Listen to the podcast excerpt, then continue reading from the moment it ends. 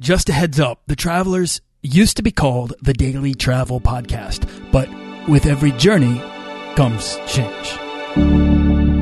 This podcast is produced by Holocene, a community of creative travelers. If you want to get serious about planning that next trip, writing that book, starting that creative project, or launching that business, we're breaking down the barriers between where you are where you want to be together at joinholocene.com. That's join, H O L O C E N E.com.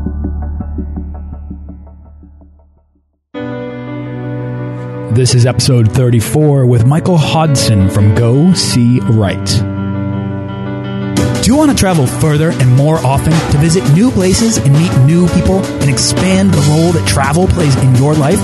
I'm your guide, Nathaniel Boyle, an explorer that wants to help you get out, see the world, and find meaningful, life changing experiences. Everyone wants to be adventurous and have great stories. To do the stuff of legend, this is the Daily Travel Podcast. I just want to quickly share an iTunes review with you because they are rolling in and helping to land this show on the homepage of iTunes. That's amazing exposure, but I only have eight weeks to take advantage of the opportunity to be featured there. So a special thanks to everyone who has reviewed, subscribed, and or downloaded this show. Guy Likes Music writes, uh, it has everything packing, fitness while traveling, different places to visit, things to do, styles of travel. This thing has it all. I'm a huge fan. The majority are short and easily digestible and get right to the point. Thanks, Guy. Uh, I like music too, and I appreciate you. If you want to be featured on an episode of the Daily Travel Podcast, head on over to iTunes or Stitcher or the Podcasts app on your iPhone and search for the Daily Travel Podcast. Drop me a review. I'd love to hear your questions, your travel stories, or your favorite travel quotes. Thanks a lot. Way back in 2008, Michael Hodson celebrated his birthday by quitting his career as a lawyer to venture out into the big, bad, awesome world, as his Skype uh, profile says. Uh, he went out to circumnavigate the planet without the help of an airplane, uh, and since then he's been on the road and writing eloquently and humorously about his travels on his blog, GoSeeWrite.com, where he and other amazing travelers share their tips uh, for curious explorers and travel bloggers, uh, along with interviews with fellow travelers, destination advice, and expert photography. Uh, Michael's travels include an overland trek from Cape Town on the southwestern tip of Africa all the way up to the northwestern point of Cairo, Egypt. Or Cairo. Cairo's in Georgia. Cairo, Cairo, Egypt. Michael Hodson, uh, well, hello and welcome to the show. Good. Appreciate you having me. Thank you very much. No, thank you so much for taking your time. I really appreciate it. So, where are you coming from right now?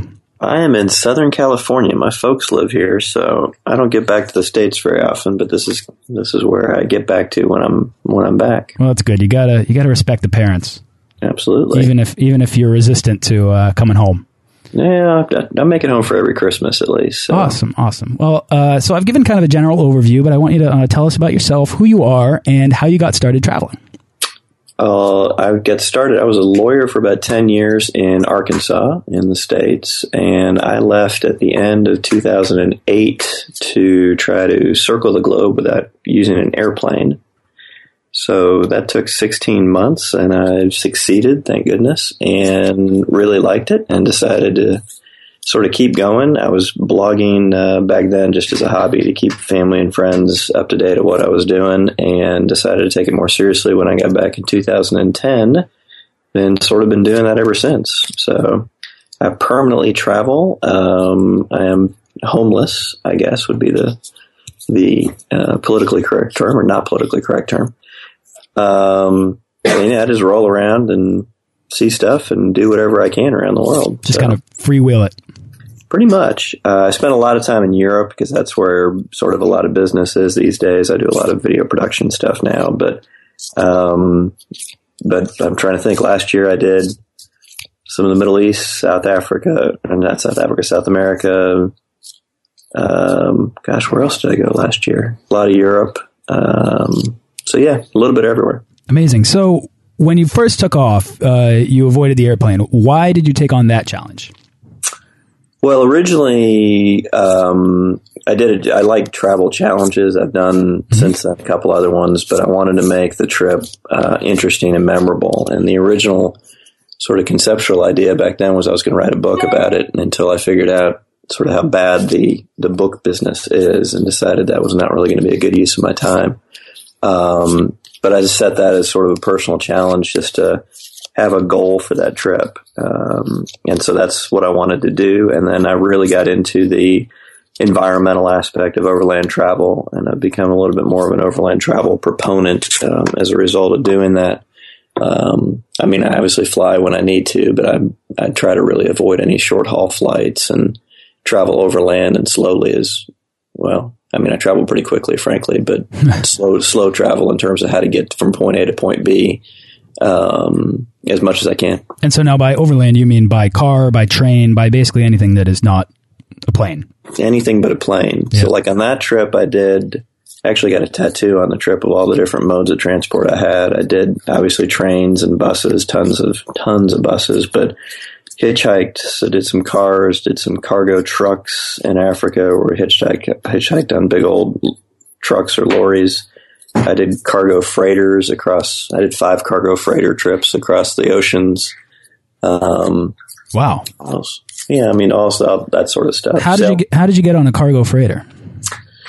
Cargo freighters was actually the only thing I had to reserve in advance. Part of the challenge on that trip was trying to do everything with no reservations, um, but you've you've got to reserve the the passage on the freighters. Um, and there's not many of them that do it after 9/11 because there's security concerns and you know they're a little bit tough to find. Mm-hmm. But there, I used to. There was a travel agent down in New Zealand who actually met when I made it to New Zealand at the very end of that trip, which was kind of funny.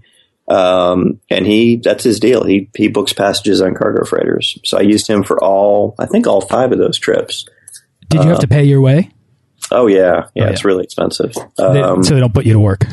no, no, all that stuff is gone. Like years ago, you hear stories about people being able to book passage and do work and cook on them or whatever. But no, after the security stuff, they, it's all paid passage. It's nice. I mean, you get a cabin. It's, I mean, they're basically sort of cruise ships, but except with nothing to do. Um, but yeah, it's like, and that the last one I did was 2010, so I don't know what the price is now, but back then it was about 120 euros a day. Um, wow. And so to give you an idea, from New Zealand back home was 22 days. Okay, so, so yeah, so that that adds up. Yeah, it gets pretty pricey pretty quick. What did you get out of that experience that you would not have got if you just took a flight and were there in a day?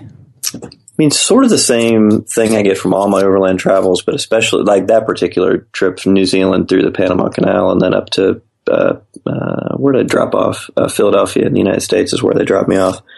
Um, it's just the world's a massive place, and you really don't get that effect when you fly.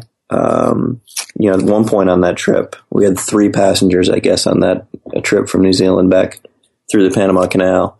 Um, and every day we'd go up to the bridge and have coffee up there and look at the radar and talk to the crew and everything. And at one point we were on day, I'm saying seven or eight of that trip.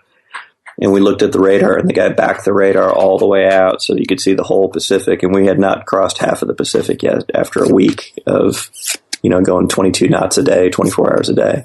Wow. Um, and you just don't, I mean, if you hop on a flight from Los Angeles to Auckland, New Zealand, you, you get the idea that it's, you know, it's a long flight, it's a big world, but until you sort of get out there and see it on the ground level, you really don't have the full appreciation of how massive it is. Oh, that's amazing. I mean, that's something I've always, I've always wanted to do is just, is basically sail across the Pacific or the Atlantic, um, and just take that enormous journey because uh, the, the nothing the ocean has that certain sense of uh, uh, excitement and an adventure about it. Even though you're, you're effectively looking at nothing um, but water for as far as you can see, there's something about the open seas, right? And I would think that if you were going out over the largest sea, uh, you would really kind of get that sense every day that you were on this like I don't know this epic quest. Yeah, when you get I mean, I, I did, like I said, I did five passages on that trip. Um, and when you get out somewhere where you can't see land and you're in the middle of nowhere, it's, it's, it's, it's kind of a nice feeling. You just kind of, especially on those, on the cargo freighters, they're huge. So they're, oh, basically, I'm trying to remember two football fields long, something like that. But the other thing is they go up about 10 or 11 stories. So when you're on the bridge up at, you know, the 10 stories above ground, you can see a long way. Um, they told me at one point, I'm thinking, I thought from 10 stories up, you can see like 40 miles. Wow. Um, so yeah, you just you get the full expanse of just how massive it is out there. So even on the shorter crossings I did uh, versus uh, the Pacific one I did, yeah, once you get outside the side of land, it's just, it is kind of cool. So how could someone do that in today's kind of post 9/11 travel ball game? You can book them directly through the cargo freighter companies, the ones that that um, that allow. Not everybody allows uh, passengers on board. I didn't book them directly. I did it through. I'd have to send you the info, and you can put it into the notes of this thing. Will do. Um, my guy, and I forgot his name because it's been four years since I've used him, but he's out of Napier, uh, New Zealand. Oh yeah, with all the Art Deco there. Yeah, yeah, yeah. it's kind of funny. That's actually where when I took the freighter from Australia to New Zealand, it actually docked at Napier. So it was kind of, it was, I went out to the guy's house and, and had a beer with him. It was nice. Oh, that's cool. Yeah. Yeah. He was funny. Um, but that was the guy I used. There's a couple people that, there's not many people that do it because there's just not a big demand for it. But um, he was one. And then he told me there's a few others that do it out of Europe. All right, very cool. That's uh, that's something I'm going to look into because uh, though it could be expensive, the it sounds like it's a good value for the experience you get. Yeah, it's and you can do shorter ones. Like I did Hong Kong to Brisbane, Australia, which was five days, um, and that was fun. We went through the Philippines and then down through Indonesia. And, um, so you kind of got the combination of occasionally seeing land and occasionally not. And I did uh, the first one was Rio de Janeiro to Cape Town, which was six days, I think. Um, so you can do a lot shorter. I mean, the Pacific one is just massive. I think even from from New Zealand just to the Panama Canal, because we went up to the U.S. side, I think was 16 days. Um, wow. But you can, I mean, you can certainly do shorter ones. It's unbelievable. You know, I mean, this isn't something we this this this conversation is not planned. That's so cool. Uh, I, I love love that you're doing that. I'd love to hear more about this. Um, but I want to take a step back and I want to uh, go back to when you you know first kind of stepped out and you started circumnavigating the planet. And this was back in 2008. Uh, was there a time you know, shortly thereafter in which you knew you'd, you'd never stop? Yeah, pretty quick. Um, I did. So I left from the States, went down through Central America, and then I basically went down the west side of South America. And by the time I got to Patagonia, which was probably four months into the trip, I sort of knew that I was probably just going to keep doing this. Um, it was just not only seeing everything, which is still the reason I travel. It's not really for any higher purpose, but um, you know, I was solo for most of the trip. You make tons of friends really quickly when you travel. I still have friends that, um, I mean, one of the girls that I met in Ecuador, which would have been like months three of my trip, um, I just saw in France a couple months ago because she was over there for a teaching conference, and I went up to uh, hang out with her for a couple days there. We still talk, you know, pretty much every month so you meet meet some great people when you're traveling solo, and obviously see a bunch of great things. And I mean, the other thing is that uh, it's like I said before, it's just a massive planet. There's tons of stuff I've not seen, let alone places I want to go back to. Um, so there's plenty more travel in the future. I hope. Yeah, I, I, I, don't doubt it at all. Was it was it kind of like an addiction for you uh, shortly after you started? For me, I'm a little bit weird on the travel side from a bunch of other people I think you'll talk to. I'm really addicted to the transportation part of it. Um, so I feel really at ease and comfortable when I'm doing like a really long bus trip or a train trip or when I get antsy, uh, and I actually don't stay, I usually don't stay in places very long. I stay for maybe a week, um, maybe two.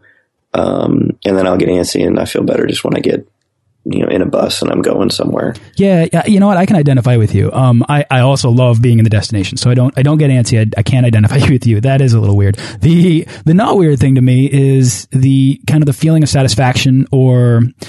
Uh, I don't know the way it kind of your imagination can be restored when you're when you're moving and when you get back on that bus or you get back on that train and you're going somewhere. Uh, to me, it, it, it's it's very freeing. It's a very liberating feeling. Yeah, just um, I mean, I, and I I do fly some, but the feeling I get when I go, I've always had this feeling when I go to an airport and just the, you know, you look up at the list of flights going in and out and just the possibilities uh, of being able to do a bunch of stuff and see a bunch of stuff immediately hits me every time I go into an airport.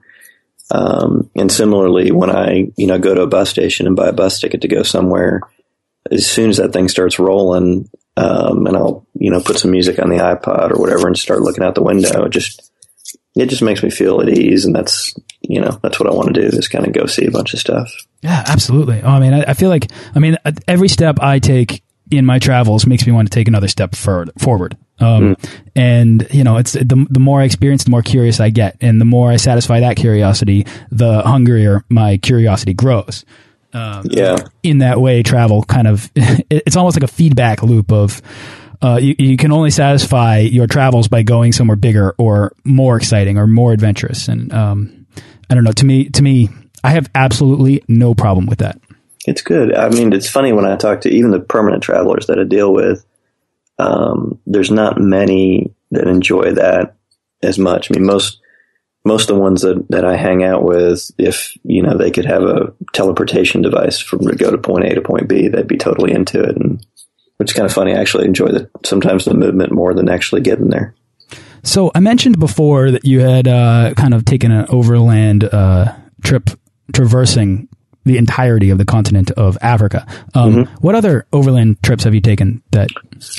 I did. So on that round the world trip, I obviously did. I did six continents overland. Um, but then after that, um, one of the things I did, um, gosh, I'm trying to think of dates. 2012, I guess. Me and two other friends of mine did Lisbon to Saigon in 30 days, all by train. Wow.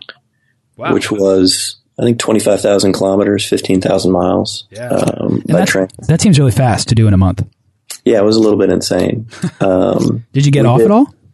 Yeah, I did. I calculated it at one point of the 30 days. I think I was on a train for 24, but not, you know, on the train for a full 24 days. Like I, some of those days would only be four or five hours on a train. Um, some we did Moscow to, to Beijing straight through. That was six days on a train. We never got off. I've done that ride. Yeah, I've That's done that one a couple, yeah. couple times. Yeah, it's pretty cool. A couple times. Uh, yeah, I did it. Uh, I did the Trans Mongolian one time on my around the world trip. So I went through Mongolia on that one, and then this one on the train challenge, we went the Trans Manchurian route. Manchurian route. So we skipped over the top of Mongolia and just went straight into Beijing. Oh, it's so cool. Yeah, I did Beijing through Mongolia up to Irkutsk and then across to Moscow, St. Uh, Petersburg. And I want to do it again. I want to do it differently, but just to go back and re-experience it or dive deeper, you know? And, I, and this is kind of like my point, what I was just saying, where it's like, I've done it, I've experienced it, and now I'm not half as kind of nervous or afraid as I was the first time. Sure. And, I, would be perfectly happy getting off uh, in the middle of Siberia and wandering around some of the villages and figuring it out and then hopping back on, doing it differently. Yeah, that'd be a lot more. The the time we did it last time, we did it straight through because we were sort of on a that race to do it in 30 days. But I would not recommend that for people. It is um, if you can do the route, you definitely need to hop off three or four times and see some stuff. And I mean, Irkutsk because obviously a stop that they need to make and see Lake Baikal. Um, but yeah, you could stop anywhere and, and sort of just see some of the scenery and see Siberia, which would be nice. Did you jump into Baikal? Uh, I did really briefly. Yeah, uh, same on the first way through. Um, I think I just spent like an afternoon kind of cruising around and seeing a little bit. I mean, it's massive, obviously. Yeah. I would like to go back and actually spend a week or two around there. I mean, it's big, but it doesn't look that big on a map. But then the depth of it yeah. makes that water freezing. So when you do jump in, which I guess is supposed to be good luck, uh, yeah. I, I, don't know, you want to get out as fast as you can. I've done that. The, the, coldest one I did, similar to that, I did the, in Finland last February, I did the, um, sauna, and then when you jump out, you jump in the frozen lake. Man, yeah, that's frozen lake is uh, they do something like that here uh, in Boston, where I'm from. Uh, every winter, people just jump into they like crack a hole in the, in the ice and yep. just jump in and pull themselves out, and then that's basically what they do there. They've got um, most of the saunas are near lakes, and so they carve out holes in the lake, and you you jump in the or you get in the sauna for a while, and then you go get out and jump in the lake, and go back in the sauna, and then get out and jump in the lake. It's an experience. Unbelievable. So Lisbon to Saigon in 30 days. That means mm-hmm. 24 of the 30 days you said you spent on the train. That, that leaves six days, obviously, in which you kind of experienced the culture. Now, I know you're saying you don't recommend that for most people, but my question is, when you're doing overland travel and you are on a train or a car or a bus, um, you know, like let's kind of look at it linearly. There's like there's a train, then there's a bus, and then there's a car, and then maybe there's a motorcycle, and then there's a bike, and then and then you're walking. Um, and kind of it, to me, I'm seeing that as like a spectrum of experience. And if you're walking across, and let's say you walk from Cape Town to Egypt, you're obviously going to fully experience everything there is about Africa, uh, all of the people, the landscape, the weather, everything there is. And gradually, motorcycle or, or bike, motorcycle, car, you start to kind of pull away from certain, some of those things. Do you ever feel like if you're just moving and you're on a train or a bus, that you're kind of missing out on any of the culture or any of the people or the sights? Um, I mean, probably a little bit, but I don't know if there's a better way. I mean, I know some walkers. Um, the, the, a guy, I mean, I don't know him personally, but a guy I know walked one side of China to the other side. I think it took, I think it took him like 18 months, 20 months or something to walk it. Um, I'm just not, I'm not a, I mean, I do my fair bit of walking when I travel. I just don't, I'm not a long distance walker, but on the, you, know, you take a local train or you take a local bus, you end up meeting, I mean, that's how the locals travel. Um, so you end up meeting a lot of locals. You see a lot of cool things. Um, you experience a lot of local culture. You know, one point in uh, Ethiopia, I guess it was, I was sitting in the back of a local bus, and it was me and another guy. And we were the only two white people on the bus, and um, it was all local locals going from point A to point B. And bus stopped at one point, and this old guy got on the bus. Uh, in his right hand, he had a live chicken, and the left hand, he had an AK forty seven. And I was just like, oh, let's see. He's just like going to the market, you know, just had his had his gun and his chicken. So uh, you so so what you're saying is basically you're able to kind of access the culture, the and and perhaps transportation is almost a, an extremely authentic way to experience the culture. Yeah, I mean that's how people. That's what I like about traveling that way is that's how people travel. I mean, there's not there's not a large percentage of the population in the world that hops on a plane. Um, I mean, it may be a large percentage in you know Western Europe and and United States and Canada, but it's not in the real world. And you know, if you're hopping on a bus to go four hours from one place to another, that's what people will do to hop on a bus to go to the hospital when they're sick. Um, that, that's that's how the that's how people travel out there. So yeah, you run into a lot of local culture when you're doing that, um, and it's I mean, that's kind of that's one of the reasons I like it is you just see uh, that's how the sort of people out in the I guess I should put real world in quote marks. You know, the real world live and go to the market and do stuff, and it's not a car culture out there in the world for the most part. It's you know bicycles and buses and stuff like that. So, have you ever had um, a bad experience? You know, traveling overland. Um, I'm actually ridiculously lucky, which I probably shouldn't say too often because I'll probably jinx myself. Um, I mean, I've had some like minor things. In I took a there was a three day train in Africa from uh, Zambia to, to Dar es Salaam in Tanzania that's sort of renowned for breaking down. And ours didn't break down, but they got delayed a few times. It was supposed to take, I think, two and a half days or three days to get there, and it took us like three and a half days, and ended up kind of mildly screwing up our travel plans to go to Zanzibar, but not that big a deal. So, uh, I mean, that's great. The takeaway there to me is that the worst story that you just that you just shared about traveling overland from Cape Town to, to uh, Cairo. I keep wanting to say Cairo, Cairo. I don't know what's wrong with me? My wife's from from Atlanta, so I'm all thrown off. Um, uh, was that the, the, the worst problem you had was uh, was that your train was delayed, and and it wasn't that you were ever uh, in danger or that you ever had a uh, uh, an experience that was regrettable.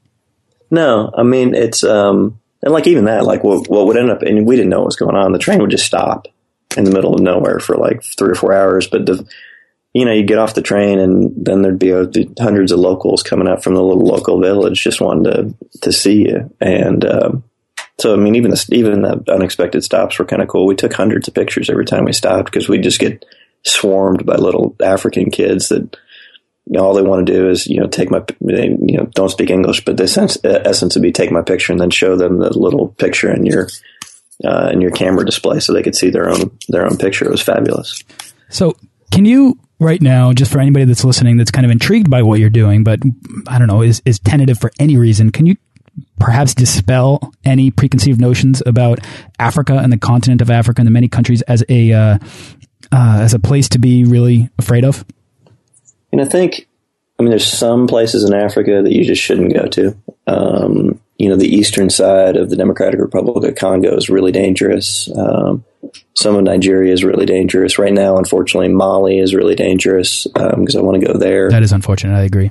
Um, I really want to do Algeria, and I'm hearing better things, but the, the deserts in Algeria can be a little bit dangerous. But I mean, for the most part, it's it's not any different than most any other place you you want to go travel. I mean, you wouldn't go, you know, if you're in Cape Town, you'd want to make sure not to go in certain parts of town, but you'd say the same thing if you're going to Memphis. Um, so there's not anything inherently more dangerous about traveling there than anywhere else. The and the reception you end up getting from people is um, really fantastic. They they're unbelievably welcoming. I mean, I think I probably did 16 or 18 countries in Africa when I went from Cape Town to Cairo. The only country they weren't really outwardly uh, happy towards me was Sudan, which was understandable because we had had a economic embargo on them for about six years, um, and they sort of didn't appreciate the fact that we were trying to mess with their country. Um, but even then, it wasn't dangerous. They just weren't as friendly as everywhere else. Um, but everywhere else, I mean, you just, you kind of get mobbed all over the place, and people want to talk to you. And what's it like coming from America? And everybody wants to move to America, and you know, you get asked hundreds of times, you know, if, if, can you take down my information and somehow get me a visa to the United States? oh, sure, no problem. I'll do that next week. Can't really do anything on that score, but you know, I wish you the best of luck. No, absolutely. I completely agree. I mean, if you can go to Manhattan and you know hang out late at night and arrive back safely in your hotel room, there are plenty of other places that are far safer. Yeah. Um, you were recently down in Colombia, am I right? Mm -hmm. Yeah. And there's another. That's a country that I, you know, I actually have a friend who just who just went down, and he just went to three different countries, and I know uh, a number of people that are going. It's I feel like it's it's actually one of the hotter places to go to right now, or at least at least in my circles. And Colombia, to me, my other friends were saying, "Hey, what are they doing down in Colombia? Oh, I don't know, probably getting abducted or something." And I, you know, there's all these concerns and fears and, and stigmas attached to certain countries with certain histories. Uh, and I, just wish that there was a way to, uh, a simpler way to kind of identify when uh, a place is actually safe to go to. Yeah, it's, I mean, the common perception in a lot of countries really lags behind what the reality is. So Colombia, you know, let's say 10 years ago, probably would have been a horrible country to go to. But it's been safe. I mean, I went through there the first time in 2009. It was totally safe then. It's even better now. Um, and now they've got, there's a couple of discount carriers from the East Coast are flying cheap flights from New York and Florida down to Bogota, like under $200 round trip flights down to Colombia. It is, it's a totally booming place. I've got friends that live in Medellin. Um, two of my friends have bought condos in Medellin in the last couple years. Uh, that's a fabulous city. You know, and when anybody thinks Medellin, they think, you know, the cartel and the drug trafficking and Pablo Escobar and that stuff's ancient history. I mean, that town is completely safe. I mean, as safe as any sort of any big city in the world to be safe. And it has a real creative arts culture too, doesn't it? Oh yeah. That's what it's I've a, heard.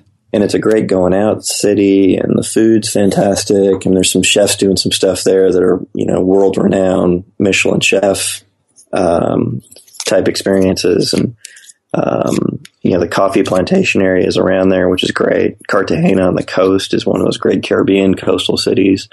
Uh, Colombia, I love Colombia. Actually, after my around the world in 2010, I went back and spent, I think, about six weeks in Colombia just hanging out because I liked it so much. That's unbelievable. It sounds like you have a good a good sense of not just the topography of Colombia and the the scene, but also like the culture. And and I mean, and what I mean by that is like how the culture is currently expressing itself. Mm -hmm. And if uh, you know, I mean, you mentioned coffee, you mentioned what the chefs were up to.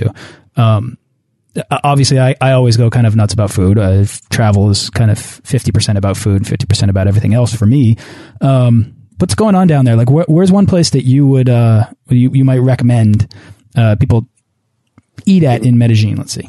Oh, eat! God, it's been so long since I've gone down there. Um, I will. I'll defer. I've got a buddy of mine who who's based out of there who actually has a website just on Medellin, and it's uh, MedellinLiving.com. The guy's name is David Lee, and he's he's been down there for a while. David, um, David knows about everything there is to know in Medellin, and and anybody that wants to contact him through the website, he's fantastic about replying back and and uh, getting a hold of you know you getting a hold of him and him getting back to you on recommendations. Um, the other guy I know that's that's living now or based out of Medellin, he travels around a lot. is a guy named Marcelo, and his website is wanderingtrader.com. Um, and Marcelo loved it so much there that he ended, like I said, ended up buying a condo, and he's based out of there. Um, but in terms of like things to do, Colombia's got. I mean, you could do a month in Colombia between the coastal areas. Um, you know, the Cartagena is a great city. Right up the coast, there's a beautiful park called Tayrona National Park where you can do some kayaking and camping. Um, some of the scuba, I've actually, I'm a scuba diver, but I've actually not scuba dived. But The diving is supposed to be pretty good there. Uh, inland, there's a little town that I really like called San Gil, uh, spelled S A N G I L. G A L. And um, it's sort of the adventure town of Colombia. So there's some whitewater rafting that's great there, and some uh, you can do some paragliding there. It's fantastic. It's a smaller town. It's a lot of fun. It's between Cartagena and Bogota. I'm not a huge Bogota fan, but I've got friends that really like it there. Um, I thought it was okay. Um, but again, Medellin is great. I'm not a huge uh, salsa dancer, but I've got a friend of mine, Angelina. Uh, her name, is, her website is baconismagic.ca. Oh, I know that website. Yeah, she's fabulous. Yeah. And she um, she specifically stopped in Cali, which is south of Medellin, uh, just to dance and hang out and eat the great food, and did some dancing there, and took some lessons, and hung out with a bunch of locals, and had a great time. Uh, David, the, the David Lee, the guy I was saying, also has taken a bunch of dancing lessons there. Also, that's really integral part of that culture. I'm just not any good at it. Um, but yeah, I couldn't recommend. Like Colombia. I, when people ask me my favorite countries around the world um, in South America. That's my favorite. Well, that's good. One of the things I like to do, although we've been we've just been kind of uh, chatting like you travel, just freewheeling at this whole conversation. But normally, what I like to do is try to boil down into one place that, in particular, that sticks out to you as a special place. And it sounds like Colombia kind of is one of probably a handful of places that really does. Yeah, when I normally get asked that question, I sort of do one per continent or one per area of the world. Right. Uh, Colombia would be South America. I love uh, Nicaragua in Central America. Another hot place. Yeah, it's fabulous. Um, even though talking about safety, uh, Managua, the capital, is just really unsafe. I just wouldn't. No one needs to spend literally a minute in, in that city. But other than, once you get out of Managua, the rest of the country is fabulous. Um, and in Africa, I love uh, Namibia. I want to go to Namibia. Yeah, that sounds amazing. It's great. Um, I'm trying to think what else. Middle East. It's not really Middle East, but I really love Turkey. Uh, whether you count it as Europe or Middle East. Turkey is becoming a trend on this show. People are loving it. It's a great country. Yeah. Food's great. There's tons of different stuff to do. It's got a good size to it. Um, I'm headed back to Jordan here next month. That's one of my favorite places in the Middle East too. Oh, very cool. And um, uh, I'm just going to throw this out there as a guess based on your website, but New Zealand. Oh yeah, yeah. If I ever uh, you know, make enough money to appropriately retire, I'll live in New Zealand. I'm kind of with you on that. I spent six months and bartended down there. That was really where I kind of like cut my traveling teeth, and uh, it really changed me. I mean, the the I, I'm particularly fond of it because of the people and because of the the way I was treated. Uh, just as a backpacker and just as a stranger, um, and as somebody wandering onto somebody else's property, it's just the way the whole setup there. The, the people are they're just they're just very friendly and they're very accepting of. They're yeah they're they're the friendliest people in the world. When I run into I run into a fair number of Kiwis traveling because they travel a good bit. They're great. Uh, I've yet to meet a Kiwi that I don't like, uh, and they're just fabulous when you're down there. New Zealand was one of those strange countries where when I got there, like I said, I'm around the world. I landed in Napier and hung out there for a little while. And when I was asking the Kiwis what I needed to do in their own country, they all said, or at least a good number of them said, you need to hitchhike. And I'd done hitchhiking on the trip, but I wasn't really thinking about it because the bus transportation there is fine. So I was just going to take buses and they've got a nice train system also for part of the country.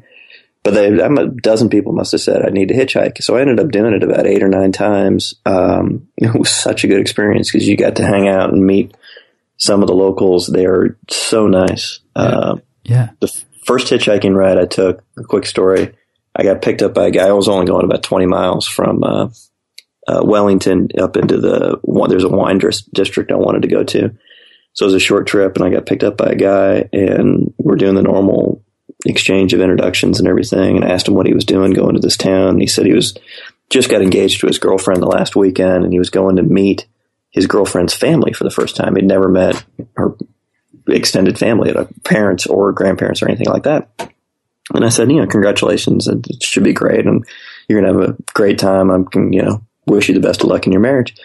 We talked for about three or four minutes and the guy said, um, well, we're having a big barbecue. Do you want to come? Oh, no way. And I was like, dude, I totally appreciate that invitation, but I'm not going to be like the dude that shows up. Hey, I just picked up Mike uh, about 18 minutes ago on the road. I thought we'd invite him to, you know, meeting your in-laws for the first time. I was like, and he was dead serious. I was like, wow, it's literally the nicest invitation I've ever gotten, but I am no way am I going to show up to meet your in-laws for the first time and be like, ah, here's a strange American I picked up on the road. yeah, he's thinking, he's probably thinking, oh man, now I got to do this alone. I know, yeah, but I mean, I get I ran into that all the time. That's really, I, I mean, it's really that's really kind, you know. Oh, they were great. I got picked up another time by uh, a couple in their seventies uh, when I was coming. I was hitchhiking back from a mountain that I'd climbed just back into town, and we're in the car for three or four minutes, and they're like, "Oh, do you have a favorite local pub?" And I was like, "No." And they go, "Oh, then you're coming to ours." And we went to theirs, met all their friends and the bartender, and it was you know, hung out with him for a couple hours. It was great. That's amazing. I I uh, I also hitchhiked in New Zealand. Um, I hitchhiked once, and I and I picked a guy up once. And when I hitchhiked, uh, this was the first time, and I was in Milford, and I was just coming out of. I was walking out of the town, and I was like, you know what? I'm just gonna hitchhike because I don't have a way back. I wasn't gonna wait for a bus. I didn't have anywhere to go, so I just put my thumb out, and the. a few cars drive by, and the first car that stops is a sewage truck. And uh, so I was like, well, this figures. So I got in. I wasn't going to pass up the free ride. I got in and I sat with a guy and he was from Gore and he's like, I'll take you as far as Gore, which I think is like an hour away. Mm -hmm. And, um, uh, oh man, it, it was the smelliest, grossest ride I've ever taken, but I'll never forget it. And I don't care. I don't care about the circumstance. It was the experience and the story that I have now. Um, hitchhiking, hitchhiking when you're in a country where it's, you know, safe, not only safe, but like culturally acceptable. Oh uh, yeah, great way to go. They the only problem I ever had hitchhiking in New Zealand was when I was on the South Island on the west side over near the glaciers, yep. which is I mean it's not a real populated area. But the problem was that uh, almost all the cars over there were tourists, and the tourists wouldn't stop and get you. It was only the locals, and there just weren't enough locals over there. yeah. But the rest, the rest of the country, I mean, you just throw your thumb out, standing outside anywhere in the road, you're going to get picked up inside about 15 minutes. I mean, it was the best in the world. Yeah, that's it. I picked up a, I picked up being a tourist, picked up, uh, a French guy in Hokitika, which is right on the west side there, mm -hmm. and uh, drove him all the way down to Queenstown, and it was great. I mean, we spent like three days together. We totally got to know each other. This guy was he was French, and uh, uh, you know we didn't have a lot to talk about. Uh, I I spoke a little French, and he spoke very little English, so we kind of struggled through it. In the end, uh, we crashed at a place at a hostel in Queenstown and he was gone the next day, you know, and he left a note and he said, thank you so much. And, and unlike this digital age where you, you're, you're in touch with everybody and you, you are forever connected to them, I've, you know, never seen or heard this guy again, but. That really left this like indelible impression. I'll, I'll never forget that guy or the, or the whole three day interaction that we had. That to me is what traveling outside of your comfort zone really is all about because you discover those little things that mm -hmm. you never anticipated and then you never forget them. They stay for sure. Um, all right, Michael. Well, thank you so much for taking your time to come on the show. I, I hope that anybody listening has really kind of just shaken themselves up a little bit to feel, I don't know, less hesitant about going out there and taking these these kind of um, whether it's overland or whether it's hitchhiking or whatever it is, that just going places that they might be concerned about going to or experiencing things that they might otherwise uh, be hesitant towards. I, I just want somebody to be like, yeah, you know what? I'm gonna go. I'm gonna go. I'm gonna go there, and I'm gonna I'm just gonna do it. Absolutely. Is there yeah? Is there anything else you'd like to share before we uh, wrap up? I unfortunately can talk all day about travel, so I'll, I'll leave your, your listeners with only thirty minutes worth. So awesome! Yeah. Well, what's what's uh, what's next for you? Where's your next trip, and what's your next project? I go. I leave this weekend to go back to Berlin for a big travel conference they have every March there, uh, and then I go down to Spain to hang out for a little bit, and then I'm off to the Middle East. So I go to Jordan to do some video work, and hopefully Lebanon and Oman, and maybe a little Israel, and don't really have it planned, but probably two months in the Middle East. No, it's just nonstop. I love it. I love it. so where, where can people go to uh, find out more about you?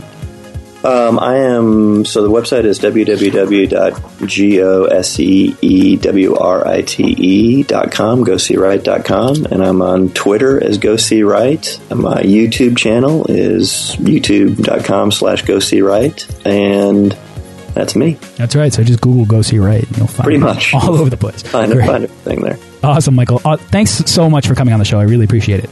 Appreciate it. Thanks for having me.